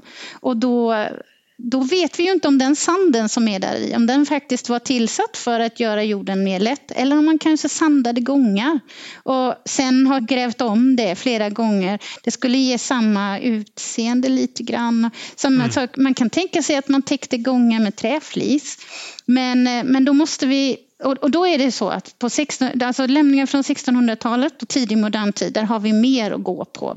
Där, där har vi fler lämningar som det ser ut just nu. Och där kan man se att man har gjort sådana saker som täckt gångar och gjort olika grejer. Så mm, grejen är att den typen av lämningar har vi ännu inte från medeltida sammanhang. Så, men det finns egentligen Alltså det dyker säkert upp, det hoppas jag verkligen. Att vi kommer att få mer kunskap om de här sakerna framöver. Men eh, det, det är ganska specifika saker. Alltså det, den här odlingen måste ju ha täckts av någonting för att bli konserverad i ett skede. Liksom. Och, det som vi hittar där i sen det är ju det som är konserverat vid det skedet. Liksom. Mm. Och några, ju fler sådana exempel som vi hittar desto mer lär vi oss ju. Ja. Eh. Någonting som verkar vara sant det är ju att redskapen, spadar, hackor och sånt, inte har ändrat sig särskilt mycket. Alltså det, de, de, där skulle vi känna igen redskapen eh, även på medeltiden. Liksom. Vi kan hitta spadstick, vi kan hitta spår efter, äh, efter, genom att titta på innehållet i jordarna så kan vi se att man har tillfört komposterat hushållsavfall, en stor, stort inslag. Kan man även se om man använder latrin som gödsel? Det gjorde man. Men eh, då kan man ju också tänka, alltså, antagligen har ju allting mellanlandat i samma stora kompost. Mm. Och, och det, det, det, har säkert också varierat. Vad man har ansett kan läggas i en, en kompostjord som man sen ska odla. Men vi hittar spår av latrin bland annat genom pyttesmå kärnor av sådana bär som bara äts av människor till exempel. Det, det är en sån typisk karaktäristika man, som man brukar ta som ett belägg för att man har blandat i latrin. Att det finns hallonkärnor och lingon och blåbärskärnor och sådana, alltså de här som går rakt igenom eh, och som man inte gav till några djur oftast, alltså som, som åts av människor helt enkelt. Mm. Samma sak, en del importerade saker, bland annat fikonkärnor har ju visat sig vara ganska, ganska vanligt i, eh, i eh, latriner och i odlingsjordar från, från städer under 1400-talet till exempel. Det verkar inte ha varit jätteexklusivt utan eh, torkade fikon det är någonting som, som gick att köpa till, eh, så, ja, okej, det kanske inte är alla hushåll som har haft råd till det, men, men man var inte tvungen att vara aristokrat för att äta fikon på den okay. tiden till exempel. Och då, då, märker vi det just genom att vi hittar de här pyttesmå kärnorna som, som ju går rakt igenom. Då. Mm. Mm, vad, eh, vad kan man se för influenser i eh, nordiska trädgårdar från, från medeltiden, från världen utanför Norden? Jag tror att, och särskilt i städer, så har utbytet varit ganska stort. Jag tror att man har haft influenser som har gått åt olika riktningar och påverkan mellan olika eh, regioner mycket mer än vad vi kanske tidigare har trott att man hade. Men det där det beror ju också på, det, det varierar ju ganska mycket. Inom Hansa-nätverket till exempel, Hansestäder och sånt, den handeln fram och tillbaka mellan städer, det, det var ju människor som bodde i en stad och hade hus i en annan också och så vidare. Så det handlar mycket om personnätverk och personliga kontakter på olika sätt. Mm. Du nämnde i boken något, något brev där man liksom önskar att mm. mottagaren då ska skicka fröer från en det annan finns plats. Några få, ja, det finns några få sådana där när det verkligen står PS kan du inte ta med dig och, eller skicka till mig och så vidare. Det, de är ju, det är guld när man hittar sånt. Mm. Eh, du nämnde ju Albertus Magnus tidigare. ja. som levde på 1200-talet. Och han hade gett sig på det smått fantastiska eh, projektet att samla all världens kunskap i en encyklopedi. Eh, när man läser hans beskrivning av eh, en trädgård så ska det gärna finnas en vattenspegel centralt i trädgården och det var ju tidigare inne på det här med dofter och smaker och så. När vi läste om det så kom vi att tänka på persiska trädgårdar som vi har gjort ett program om tidigare, som fanns långt tidigare. Tror att det fanns influenser därifrån som nådde hit? Ehm, när man tittar både på medicin, alltså skolmedicinen eh, under medeltiden men också Albertus Magnus sätt att se på växter och sånt. Alltså det finns ju tydliga kopplingar bakåt till ett antikt material, alltså från romersk tid och så vidare. Så, så där finns ju massor av kopplingar och band på olika håll som definitivt finns där alltså. Och det här med ett, ett, ett, det finns ju inget klart brott liksom, mellan det antika och framåt medeltiden. Liksom. Um, så därför så, så, kan jag nog tänka mig att vissa saker är, har väldigt sega, långa ja, historier som hänger ihop. Ja.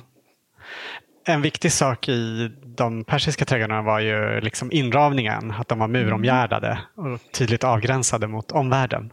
Är det något man kan se i de medeltida trädgårdarna här?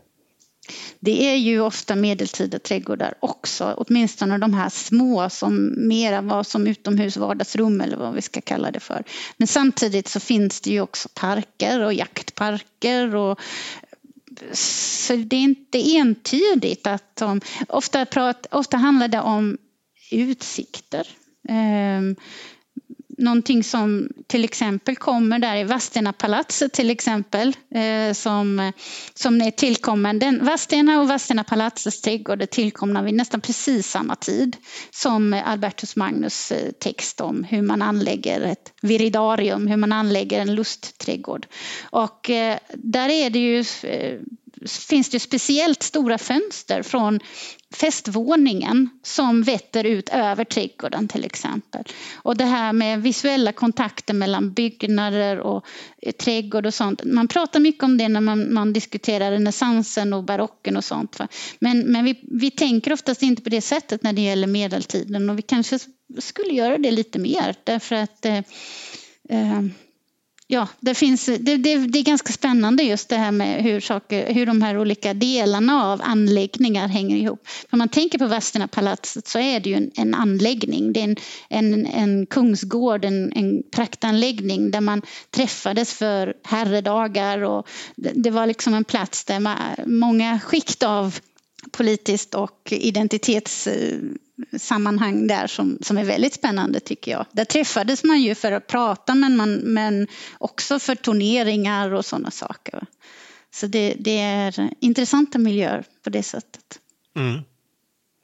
Och detta tror jag vi måste börja gräva. Alltså vi har inte, nästan inte grävt ut några sådana anläggningar på det, och letat efter trädgårdsspår utan där gjordes många av undersökningarna så tidigt att man inte hade börjat att undersöka de här tjocka bruna lagren eh, som, som det handlar om eh, på det sättet. Utan det är så tidigt som man grävde fram murarna och dokumenterade dem och så ja, inte så mycket av det som var runt omkring. Så det kan nog, vi kan nog hitta mer där, hoppas jag. Sen. Mm. Men man kan alltså ändå säga att det fanns en trädgård i Vadstena? Eh, Vadstena är ju speciellt eftersom vi har eh, skriftliga källor ja. Eh, som gör att det, det, det, det finns en, en äldre forskningstradition med, historiska käll, med historiskt källmaterial när det gäller Vadstena. Men var liksom kloster, alltså du sa ju att munkarna troligen inte haft en så betydelsefull roll som man tidigare trott för trädgårdsodling i Sverige.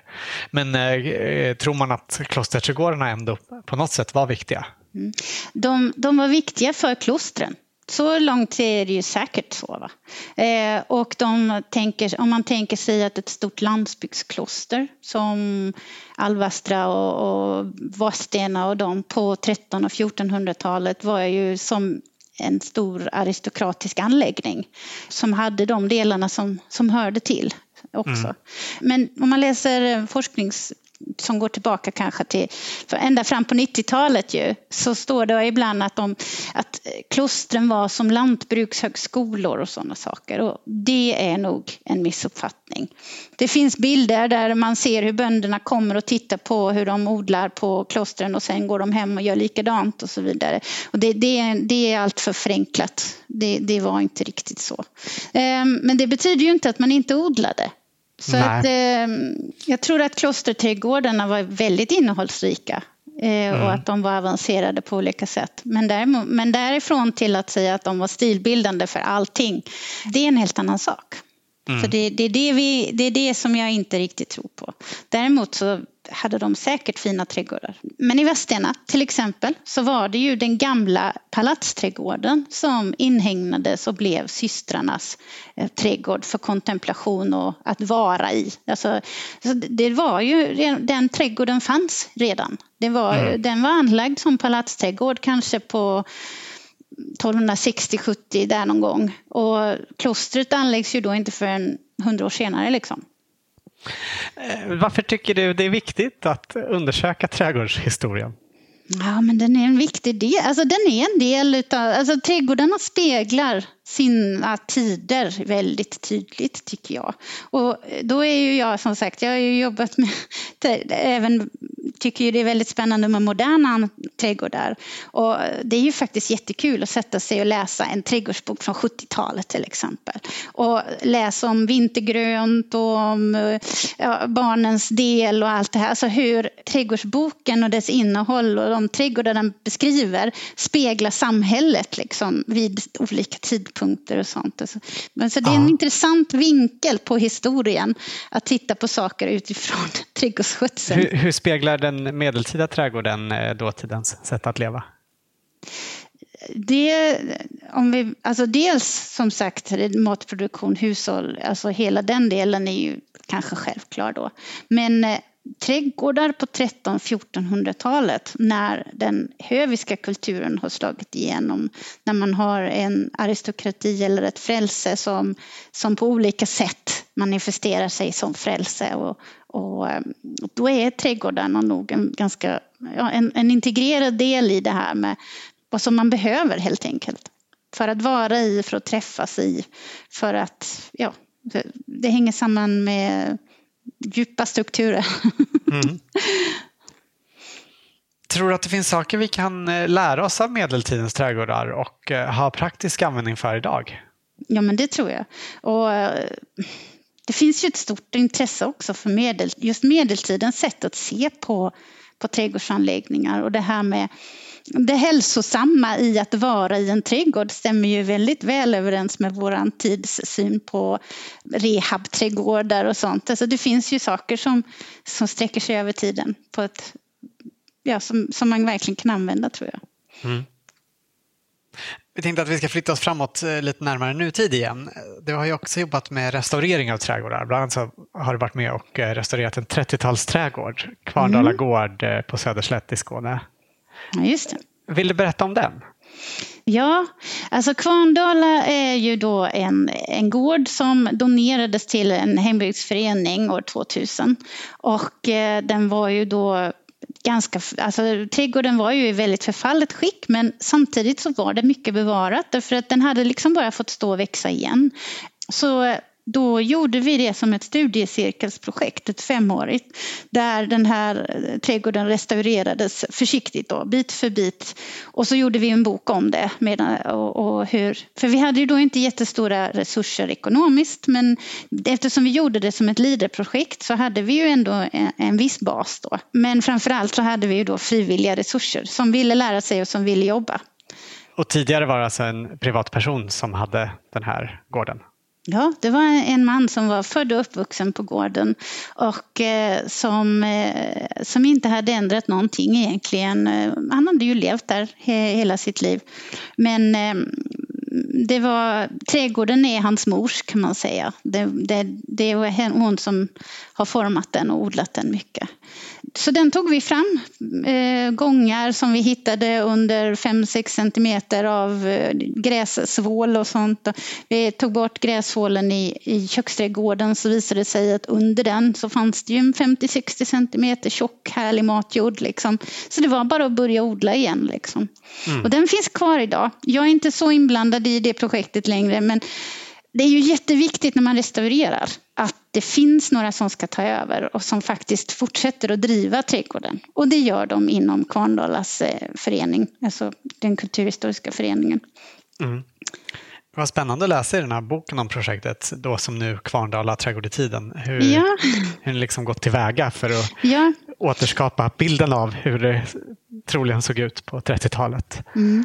När man gör en sån här eh, restaurering så det första steget är ju att försöka ta reda på så mycket man bara kan. Och det, det är ju, mycket av det är ju intervjuer och att faktiskt följa, att inventera över växt, åtminstone en växtsäsong. Där man kommer tillbaka gång på gång och liksom ser vad som kommer upp och var. Och sen också man försöker hitta personer som har varit där förr och så. Men man kan också hitta olika typer av eh, inventeringar och kart, karteringar och sånt. Man går till Lantmäteri och till stadsarkiv och så där. Ja. Alltså för oss var det ju viktigt, alltså jag tyckte det var väldigt spännande att jobba med en trädgård som är så pass ung men ändå så pass gammal att det var väldigt mycket självhushåll. Att det är Eh, alltså det, det, är en tid som är väldigt intressant för alla som vill på något sätt hitta tillbaka till eh, egen produktion och hur man gör saft och hur man tar vara på frukt och allt sånt. Då är den perioden väldigt intressant. Och jag har lärt mig otroligt mycket från att vara i den här studiecirkeln. Mm. Så det, det, har varit ett jättekul projekt att jobba med. Ja i den här boken så finns det också rätt mycket bra så handfasta tips för anläggning och skötsel. Hur man mm. kan eh, göra, ja, men, som exempel så här, hur man kan göra nya plantor som ser likadana ut som de som redan finns i en gammal häck till exempel. Ja, det, det, vi har gjort där bland annat, det, det är ju en sån eh, skånsk trädgård med långa buxbomshäckar. Och det finns en gammal buxbomshäck som var en meter hög och, och, där fanns några gamla foton som kunde visa hur det hade sett ut tidigare och sånt. Och där testade vi att göra på ett väldigt gammaldags sätt alltså, och enkelt för oss framför allt. Eh, så vi tog sticklingar när vi ändå klippte. Då blir det ju mängder av ris och då tog vi massor av små eh, toppsticklingar som man eh, skadar lite, alltså klacksticklingar, men man river lite, man tar bort nästan alla blad bara lite grann. Och så satte vi dem så tätt så att det blev som små häckar direkt. Och så en liten droppslang på det och så skulle vi se liksom hur mycket av detta som faktiskt tog och, och om det var så enkelt. Och det visade sig ju då året efter att 95 procent hade tagit. Och det var redan små häckar på sidorna av gångarna då. Liksom. Men alltså såna där, eh, när man arbetar med de här gamla växterna så upptäcker man många gånger att de, de är, ju själv, de är ju lätthanterliga därför att de de, det var nödvändigt att de var det ju. Annars hade man inte haft tid och ro med dem. Liksom. Nej, också att de har överlevt i ja, så det är närmare hundra år är väl ett ja, precis. på att de är Det är härdiga, bra härdiga. växter. Mm. Det är det. Och um, dessutom när det gäller buxbom så ska man ju, om man har gammal buxbom i en trädgård så är det ju ganska farligt att köpa in buxbomsplantor därför att det finns en jättestor risk att man får med sjukdomar då. Va? Vill man bevara buxbomshäckar i en gammal trädgård, då, då är det absolut säkraste att bara ta egna sticklingar och inte köpa in någonting till den trädgården. Och då dessutom det är lättskött och härdigt och väl utprovat för klimatet där man bor så är det ju ännu bättre. Mm. Det skrev vi också där om eh, till exempel om man ska komplettera en syren berså och köper ja. in syrener så ser de kanske inte likadana ut utan det kommer synas att man har satt ja. in andra buskar än de alltså, som fanns där. Det, och det är också samma sak, där gjorde vi det också. Det var en gammal syrenhäck som hade varit förvuxen ganska länge och där en stor del hade försvunnit mitt på så, här, så det var liksom inte sammanhängande längre. Och då drog vi upp de plantorna som var där och tog det, det som var små skott, unga små sticklingsskott och så satte vi dem i rad. Och det såg lite tanigt ut de första två åren. Men efter att ha skött dem där så nu är den jättefin och den ser ut som den liksom alltid har vuxit och då är det den sorten. Det är inte säkert att det var någon speciell gammal sort. Det kanske var en, en variant av bondsyren vilken som helst men vi vet att det är den sorten som alltid fanns där och att den passar in är ju liksom självklart eftersom det var den fanns både på plats och vid den tiden som vi försöker återskapa. Mm. Så då är ju det bättre än att köpa in nya plantor. Det jag tror många gånger att man inte tänker på de här växterna som, eh, som artefakter, som, som faktiskt lämningar i sig. Alltså själva sorten är också en lämning i sig. Och eh, någonting som speglar en tid och Eh, och där är ju jag sån att jag, jag håller ju hårt på det här med att när man restaurerar så ska man inte plantera in en massa utan man ska försöka ta vara på det som finns och tänka väldigt noga innan man planterar in saker i en gammal trädgård som, som är restaurerad. Liksom. Men, eh, men däremot eh, så kan man ju göra det Eh, lite grann samma tänk som när man restaurerar en gammal byggnad, att man lägger in en rabatt där man, där man liksom avgränsat kan se att här är det här kommer växterna ifrån en, en, annan trädgård till exempel. Det finns en, en sån rabatt på Kvarndala som kommer från Kerstins trädgård, Kerstins rabatt. Och de växterna som är där i, de kommer allihopa ifrån hennes trädgård då, som hon var tvungen att lämna. Hon, hon blev ja, hon är äldre och orkar inte hålla på med det längre. Och innan hon då gjorde sig av med den och sålde den så tog vi över en, en del av sticklingar och sånt då till den här trädgården. Och mm. då är den lagd så att den smälter in. Det har antagligen funnits en rabatt precis där. Men den är då markerad med en liten kant, en liten buxbom sådär att om du vill se skillnader så kan du se att det här är någonting som är lite avgränsat. Liksom. Mm. Och den här trädgården är öppen för allmänheten? Ja, där är uppsatt små skyltar som man ska kunna se vissa, alltså, ja, hur restaureringen gick till lite grann och så. så. Ja, kul. Och, eh, Kvarndala har ju då, alltså bostadsdelen finns kvar som eh, ett litet, ett litet museum. Eh, och det finns också flera andra museer som man har samlat in då, en handelsbod och olika, det, alltså man samlat, där finns eh, lokala samlingar också. Eh, inte bara växter då utan även föremål och fotografier och sånt. Ja. Så det, det är Kvarndalas kulturhistoriska förening heter de. Så om man har vägarna förbi en, en mil söder om Malmö ligger det, så kan man åka dit och titta om man vill. Du nämnde ju att du odlar själv också. Ja. Eh, är det vid den här stugan utanför Varberg som, som du nämnde som du odlar mest. idag? Vi har, en, vi har lite odlingar i, i vår vanliga hemmaträdgård också. Men det har inte funnits tid till att göra det som jag hade önskat. Nej. det har varit finns det planer på att göra mer där ja, hemma? Ja, det gör det alltid. Planer finns alltid. Man ska ha tid att sätta igång bara det. Ja. Men det är klart att vi odlar, jag och min dotter, vi odlar ju lite grönsaker och sånt i pallkragar. Man, helt kan vi inte låta bli. Va? Så Nej. Har ni stor trädgård där, där ni bor? Inte särskilt stor. Det är ett ganska nybyggt område liksom, som vi bor i. Mm. Den Men, här ehm, stugan då, finns det, hur, hur stora odlingar har ni där? Det är mer av en naturtomt. Mm. Så där hade min pappa hade stora grönsaksodlingar. Tyvärr gick han bort för ett par år sedan. Och vi har inte lika stora grönsaksodlingar som, och potatis och sånt som han hade. Men vi har fortfarande kvar alla olika delar fast i mindre skala.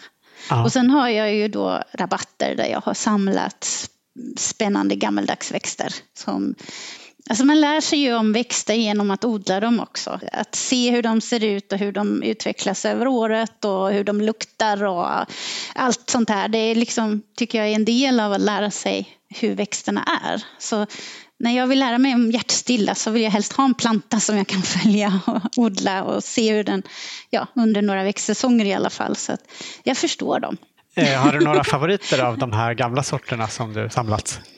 Jag tycker om de flesta faktiskt. Men jag gillar mm. rosor. De är ju så vackra. Ja, Men eh, jag, man har ju även dahlior som jag tar in varje, säsong, varje vinter och eh, pioner och massa olika. Och det, det, det, är många växter som man har fått frön av som man ju också kopplar till människor och sånt som gör att det blir många dimensioner i en trädgård.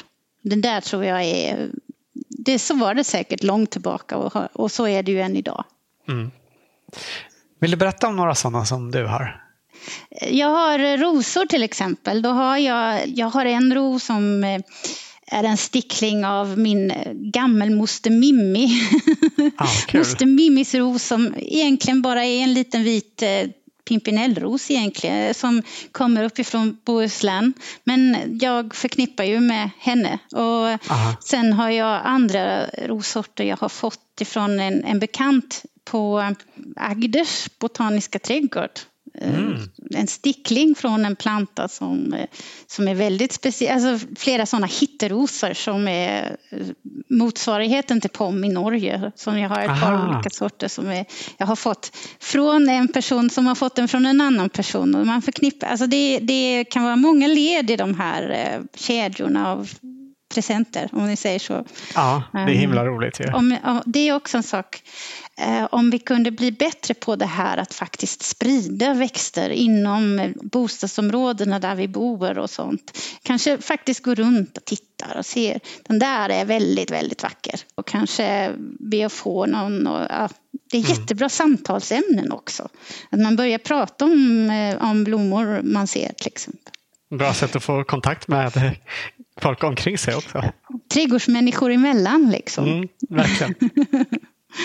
Ibland så är det ju så också, det var något vi verkligen såg när vi gjorde POMs insamlingar, att en växt kan vara väldigt vanlig i en liten by eh, en viss typ av brandlilja till exempel eller någonting. Och de som bor där tror att den är jättevanlig. Men så kanske det är så att det är den byn, det är den enda, någon som finns kvar någonstans, så är det de plantorna i den byn. Och att den är spridd över byn beror på att man har delat plantor med varandra. Men de är kanske unika just utanför byn. Liksom. Mm. Och då är det ju faktiskt värdefullt verkligen att fortsätta och hålla liv i de här sorterna. En av grejerna med Kvarndala det, som, som, som är där, det är att eh, växterna som finns i den lilla samlingen och växterna som odlas på Kvarndala också eh, av den här gruppen delas och produceras sticklingar och småplantor av som sen då säljs billigt ut till folk som bor runt omkring. Okay. Därför att, eh, just för att många av besökarna som går runt där det är ju de unga familjer som har flyttat in i de nya bostadsområdena som har vuxit upp runt omkring den gamla bykärnan. Och det är så roligt om då man kan fortsätta den här traditionen av att dela växter och att fortsätta odla samma sorter även i de nya trädgårdarna. Ja, verkligen. Att man inte alltid, även om det är praktiskt såklart, va, och, så, men, men att man kanske inte alltid skaffar alla sina växter från närmaste garden center utan att man faktiskt eh, kanske också hjälper till att hålla, i, hålla liv i det gröna kulturarvet genom att skaffa de här gamla plantorna med sina historier. Ja. Hur många sådana här historier om människor i form av växter har du i din trädgård? Ja, det är nog det är några dussin. Men, men eh, men sen är ju faktiskt eh, den trädgården är ju, våran stuga är ju liksom, det är väldigt mycket min pappa. Mm. Eh, men den är också, eh, går bakåt. Då. Stugan byggdes på 30-talet av min mormor och morfar och hennes föräldrar. Så den har, liksom, den har, den har historia bara, bara i sig. Liksom. Mm. Men sen blir man nog lite, alltså det här med POM har ju varit otroligt roligt på det sättet. Insamlingen inom POM, det handlade ju om att samla växter med historier. Så varje planta som samlades in, eh, där skulle det ju också samlas in en berättelse. Mm. Så att resa, det var något av det allra roligaste vi gjorde. Det var just att resa runt och besöka folk i sina trädgårdar och få den där plantan men också lika mycket få historien. Mm. Det växte med historia är jättespännande. Ja.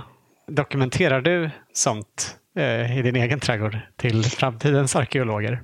Ja, jag, jag är sån där som har en trädgårdsdagbok. alltså jag brukar ju säga det när jag håller föredrag ibland om det här med hur man tar hand om gamla, alltså grön kulturmiljövård, hur man tar hand om gamla trädgårdar. Om man råkar bli med gammal trädgård, vad, vad, vad som är saker man måste tänka på. Och då brukar jag alltid säga att man ska skynda långsamt och vänta, låta saker komma upp och se och rensa det, det som är uppenbart ogräs eh, och självsått eh, sådär. Men att man ska ta lite tid på sig, se, för man kan ju ha väldigt spännande arter och sorter där som, som kommer upp efter några år om man tar det försiktigt. Liksom. Men en av sakerna jag också alltid brukar säga är att man ska skriva om det som man köper in och, och sånt, för att det tar inte många år så är det också historia. Mm. Inspireras du något av medeltidens trädgårdar i din egen odling? Ja, lite grann gör jag kanske det. Jag kanske, alltså på det viset att jag förstår väldigt väl den här känslan av som man kan läsa då i medeltida teologer som skriver om färgen grönt och att det finns ingenting som är så vilsamt för ögonen som grönt till exempel. när man påtar i sin trädgård, man förstår ju vad de menar. Alltså mm. det, det känns ju att det är hälsosamt att vara i sin trädgård. Ja. Så på det viset så, så har jag nog lite av det kanske. Mm. Ihåg. Ja, när det gäller den där känslan inför, eh, inför naturen så har väl kanske inte människan förändrats så mycket. Kanske inte. Egentligen. Och jag menar, det, det, är ju, jag tänkte, men det, det, kan ju vara en skogspromenad också. Men det, just det här när man går nu när det är vår och man, man får bada öronen liksom i fågelsång och så vidare. Alltså det, det kan låta hur, hur ja, som helst, men det, det är ju faktiskt sant. Alltså det är skönt. Mm, det är det. Och det, det, är det som gör att det är så skönt att komma till stugan till exempel och, och rensa rabatter där några timmar. Det är, jätte, ja, det är verkligen vilsamt. Fastän det är fysiskt jobbigt så är det ju väldigt vilsamt samtidigt. Ja. Så är det. Du sa ju att du tycker mycket om rosor. Hade man förresten det på medeltiden? Ja, det hade man. Det är nästan, absolut, vi, har ju hittat nyponkärnor. Att man åt nypon, det kan vi nog vara helt säkra på. Sen eh, om de eh, var vilt insamlade eller om det var odlade plantor, det är ju mycket, mycket svårare att säga. När vi hittar dem i ett golvlager till exempel så kan vi ju inte veta om det är insamlat och tillagat eller om det faktiskt har stått en rosbuske precis utanför huset. Eh, det är svårt. Men eh, alltså det finns ju belägg för i europeiska sammanhang att man hade både vita och röda rosor, alltså gallikarosor och albarosor antagligen på medeltiden. Men där är vi också i ja, pimpineller, små vita pimpinellrosor och sånt finns ju från bilder och så. så det, men det är också, det är som så mycket när det gäller medeltiden. Vi är precis i början av att, alltså, vi vet inte så mycket ännu, men vi kan ju hoppas att vi kommer att lära oss mycket mer längre fram. Mm. Spännande vad vi får veta om dåtiden i framtiden. Ja. vi brukar alltid avsluta programmet med att vår medverkande får ge sitt bästa odlingstips. Ett odlingstips? Har du något sånt som du vill dela med dig av? Ja, men då kanske jag kan säga eh, att det här att tänka på arter och sorter och sina växter i trädgården lika mycket som, som historia i sig, alltså som, som, eh, som artefakter nästan. Att eh, den där blomman som du fick som en stickling av din mormor är faktiskt en historiskt föremål, det är en antikvitet. Lika, och, och det kan vara lika fin och lika värdefull kanske som eh, en annan värdefull antikvitet. Alltså det, vi, vi har ett, ett grönt kulturarv som är, som är värdefullt. Det är ett jättebra tips. Du, tack så jättemycket för att du, tog dig tid för oss, för att vi fick prata med dig. Det var jätteroligt. tack ja, själva. verkligen. Det var tack. Kul. Tack.